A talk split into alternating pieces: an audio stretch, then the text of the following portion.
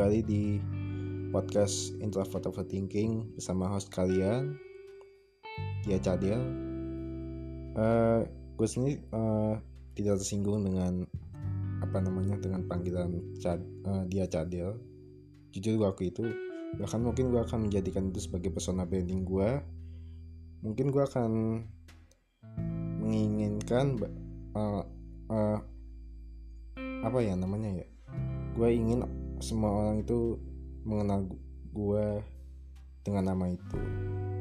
Jadi gue istilahnya ingin lebih percaya diri dengan ada yang cadel gue walaupun gue cadel gue berusaha untuk apa namanya berusaha untuk berani untuk berkarya berani untuk membuat podcast berani membuat suatu suatu apa namanya suatu karya uh, untuk topik kita hari ini kita masuk ke topik kebaikan. Dan mungkin untuk topik kebaikan ini sudah sering dibahas baik di seminar maupun di beberapa, beberapa podcast yang mungkin sudah kalian dengarkan.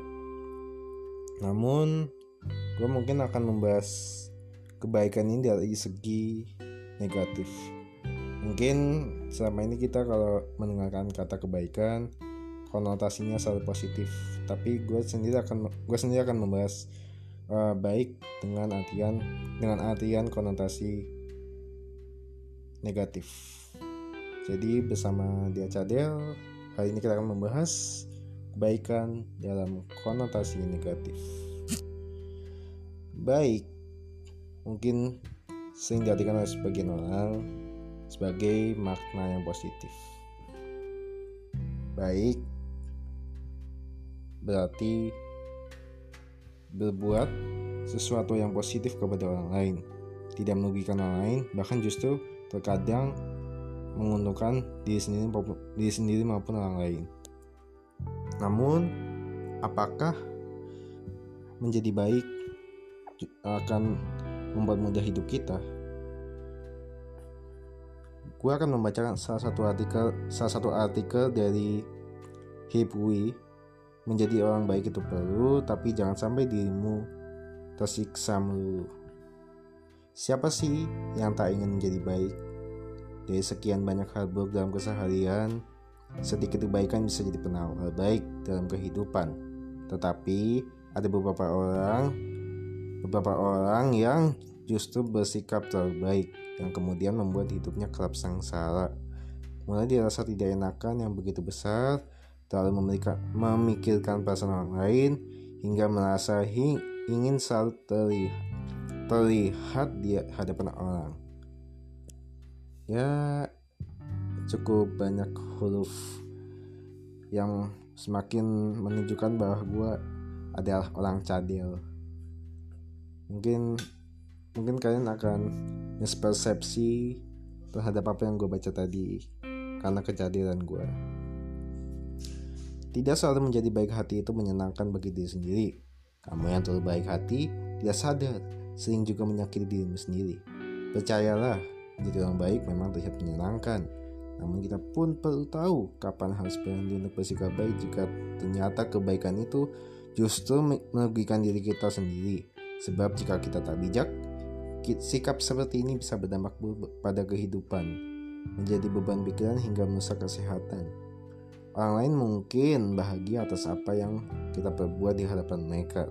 Tapi jika ternyata kita sendiri tak suka, untuk apa? Di bawah ini, saya uh, gua akan membaca tanda-tanda bila kamu ada orang yang terlalu baik hati sampai nggak sadar kamu sudah menyiksa diri sendiri. Satu, tidak mengekspresikan apa yang benar-benar kamu rasakan. Yang kedua, membuat semua orang bahagia. Yang ketiga, tanpa sadar mencoba untuk menjadi sempurna. Empat, tak bisa menolak dan berkata tidak hanya akan membuat kita lelah. Kelima, kita akan merusak hubungan yang kita miliki dengan sendirinya.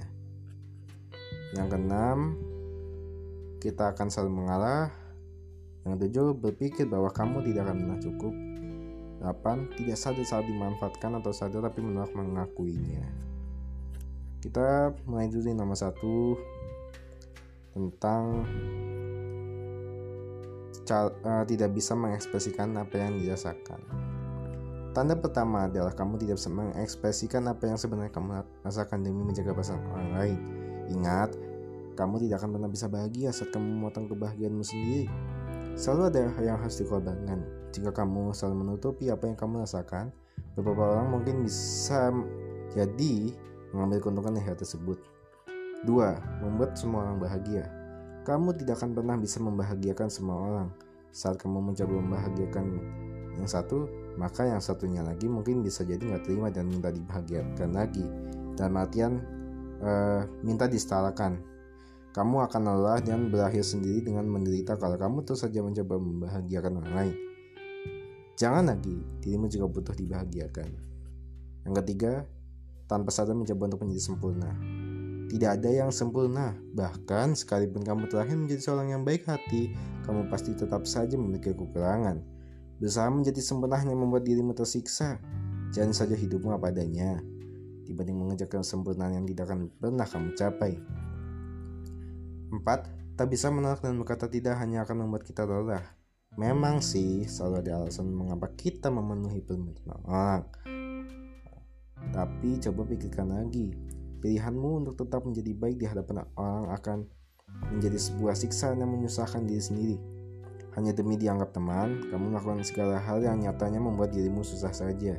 Jika kamu sering berbohong hanya untuk menyenangkan orang lain, itu artinya kamu termasuk orang yang terlalu baik hati sampai nggak sadar kamu sudah menyiksa dirimu sendiri. Katakan yang katakan sesuai yang hatimu inginkan. Jika kamu ingin mengatakan, ingin mengatakan tidak, maka jangan sungkan dan memikirkan pendapat orang lain. Mementingkan pendapat orang lain hanya akan membuat kamu kelelahan. Yang kelima, merusak hubungan yang kita miliki dengan diri sendiri. Berperilaku terlalu baik terkadang membuat kita tak lagi menghargai diri sendiri karena isi pikiran kita sudah dipenuhi dengan keinginan untuk mendahulukan segala kepentingan orang lain. Kamu mungkin tak sadar, tapi segala sikap dan perilaku untuk terlihat baik di hadapan orang itu nyatanya justru membuat kita akan membodohi diri kita sendiri dengan mengabaikan hal-hal yang, yang seharusnya kita lakukan. Jika kamu membutuhkan sesuatu, maka cukupi dirimu sendiri. Jangan membiarkan dirimu sendiri menderita sementara lain kelaparan. Kamu harus tahu bedanya baik hati dengan bodoh. Sekali lagi, kebaikan hati tidak harus menyiksa diri sendiri. Yang keenam, selalu mengalah. Tanda selanjutnya adalah kamu selalu mengalah. Jangan lupakan jangan lupa gunakan logikamu saat kamu berhubungan dengan orang lain. Tidak semua orang memiliki hati yang baik sama denganmu, jadi jangan mau dipermainkan. Ketahui kapan kamu harus mengalah dan kapan kamu melawan. Jangan selalu mengalah dan membiarkan dirimu sendiri tersiksa sendirian. Yang ketujuh, berpikir bahwa kamu tidak pernah cukup. Kepercayaan diri yang rendah juga merupakan faktor penentu kamu orang yang terbaik hati sampai menyiksa diri sendiri. Pikiran negatif yang menyebutkan dirimu tidak cukup pantas sehingga kamu melakukan kebahagiaanmu demi orang lain. Perlu diubah. Kamu berharga, bukan orang lain berharga, tapi kamu juga. Yang kedelapan, tidak sadar saat dimanfaatkan atau sadar tapi menolak mengakuinya. Tanda terakhir adalah kamu tidak sadar kamu dimanfaatkan dan digunakan sebagai boneka untuk berfungsi menyenangkan mereka. Gambarannya, kamu mungkin punya teman yang setia gelap semena-mena, memerintahmu untuk berbuat yang ia suka hingga menyakiti hati tanpa merasa berdosa. Tapi semematahnya, dirimu terus diam dan membiarkannya melukaimu lebih dalam. Itu adalah 8 tanda di mana 8 tanda di mana kamu adalah orang yang terlalu baik hati. Bisa dibilang mungkin ini lebih ke people people please pleaser apa ya namanya pokoknya people pleaser itu jadi kayak uh, kita kita adalah orang yang selalu ingin ingin apa namanya membuat orang puas gitu membuat orang orang lain bahagia. Sedangkan diri kita sendiri uh, bahkan bisa dibilang justru tidak bahagia gitu. Uh, jadi mungkin dari pengalaman gue yang mungkin gak akan gue sebutkan tapi mungkin akan gue jadikan pelajaran untuk gue dan pendengar podcast ini. Kalau saran gue jangan terlalu baik ke siapa pun uh, maksudnya ke orang lain kalau ke orang tua kita kita harus selalu baik. Tapi kalau ke orang lain entah teman ataupun siapa pun itu jangan lupa untuk selalu ingat kemampuan diri sendiri. Jangan memaksakan kita diri kita untuk membantu orang lain. Kalau kita tidak bisa membantu diri kita sendiri. Atau mungkin kemampuan kita masih rendah atau istilahnya tidak cukup untuk membantu orang yang meminta bantuan itu. Kenapa? Ketika ketika kita gagal dalam artian uh, atau mungkin berhasil tapi kurang memuaskan dalam membantu orang lain, kita mungkin bisa saja jadi uh, orang yang bersalah. Jadi kalau menurut gue sedari awal katakan gue tidak bisa melakukan hal ini. Eh katakan ini mohon maaf saya tidak bisa membantu anda. Gue nggak bisa bantuin lu karena sebutkan alasan yang jelas. Entah sibuk entah kamu punya kesibukan pribadi ataupun mungkin kamu uh, punya jadwal yang padat atau kemampuanmu masih belum cukup untuk membantu orang lain gitu. Uh, mungkin di masyarakat kita ada pemikiran bahwa seandainya kita menjadi orang baik kita akan kita akan diperlakukan juga dengan baik. Uh, kalau dari opini gue gue tidak setuju dengan hal itu karena ya tidak semu kalau karena kalau pengalaman gue ketika lo melakukan suatu kebaikan belum tentu itu dibahas dengan kebaikan. Kalau kalau kejahatan dia akan dibahas biasanya uh, cepat atau lambat kejahatan akan dibahas dengan kejahatan. Tapi kalau kebaikan bisa dibahas dengan kejahatan bisa dibahas dengan keburukan. Eh, maksudnya kebaikan bisa dibahas dibalas dengan kebaikan itu sendiri atau kejahatan. Makanya kenapa kita ketika melakukan satu kebaikan jangan berharap kita dibahas kebaikan itu uh, sama atau bahkan lebih tinggi jangan. Karena bisa jadi orang yang kita bantu justru mungkin mungkin ya justru akan membalas perbuatan baik kita dengan kejahatan atau keburukan tuh uh, sebenarnya itu saja yang mungkin di episode kali ini bisa gue jabarkan karena ya gue sendiri kayak gimana ya dengan tema ini ya? Dengan tema kebaikan ini. Uh, mungkin hanya itu saja. Untuk pesan gue sendiri yang pertama perhatikan kemampuan diri kalian.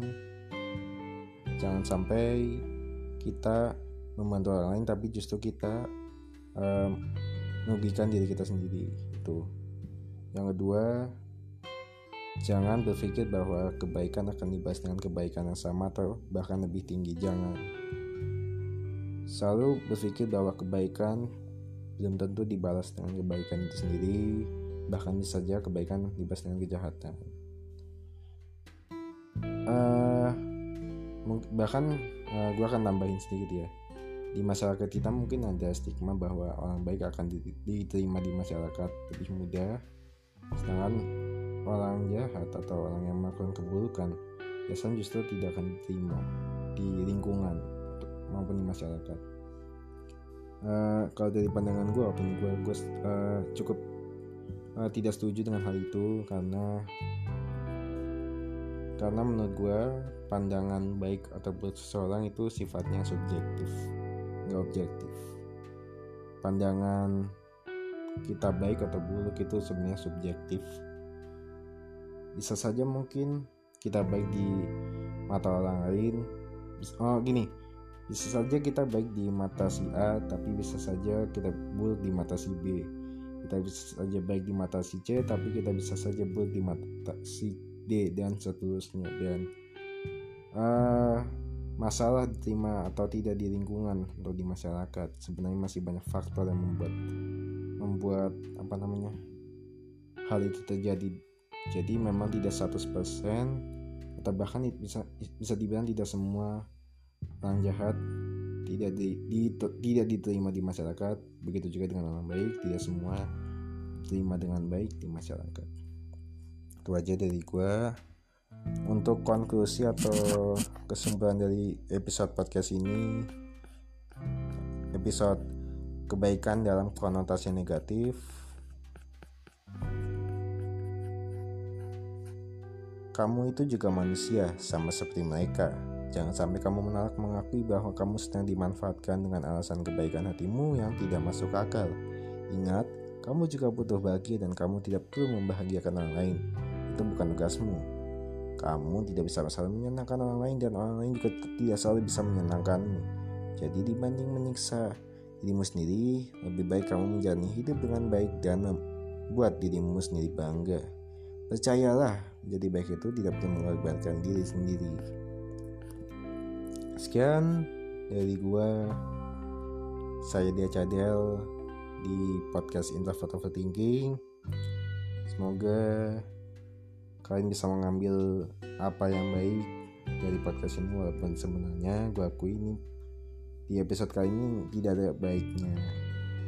Tapi mungkin kalian bisa memandang episode ini secara subjektif. Jadi ya ambil ambil saja dari dari episode kali ini. Ya saya dia Cadel. Menutup episode kali ini kebaikan dalam konotasi negatif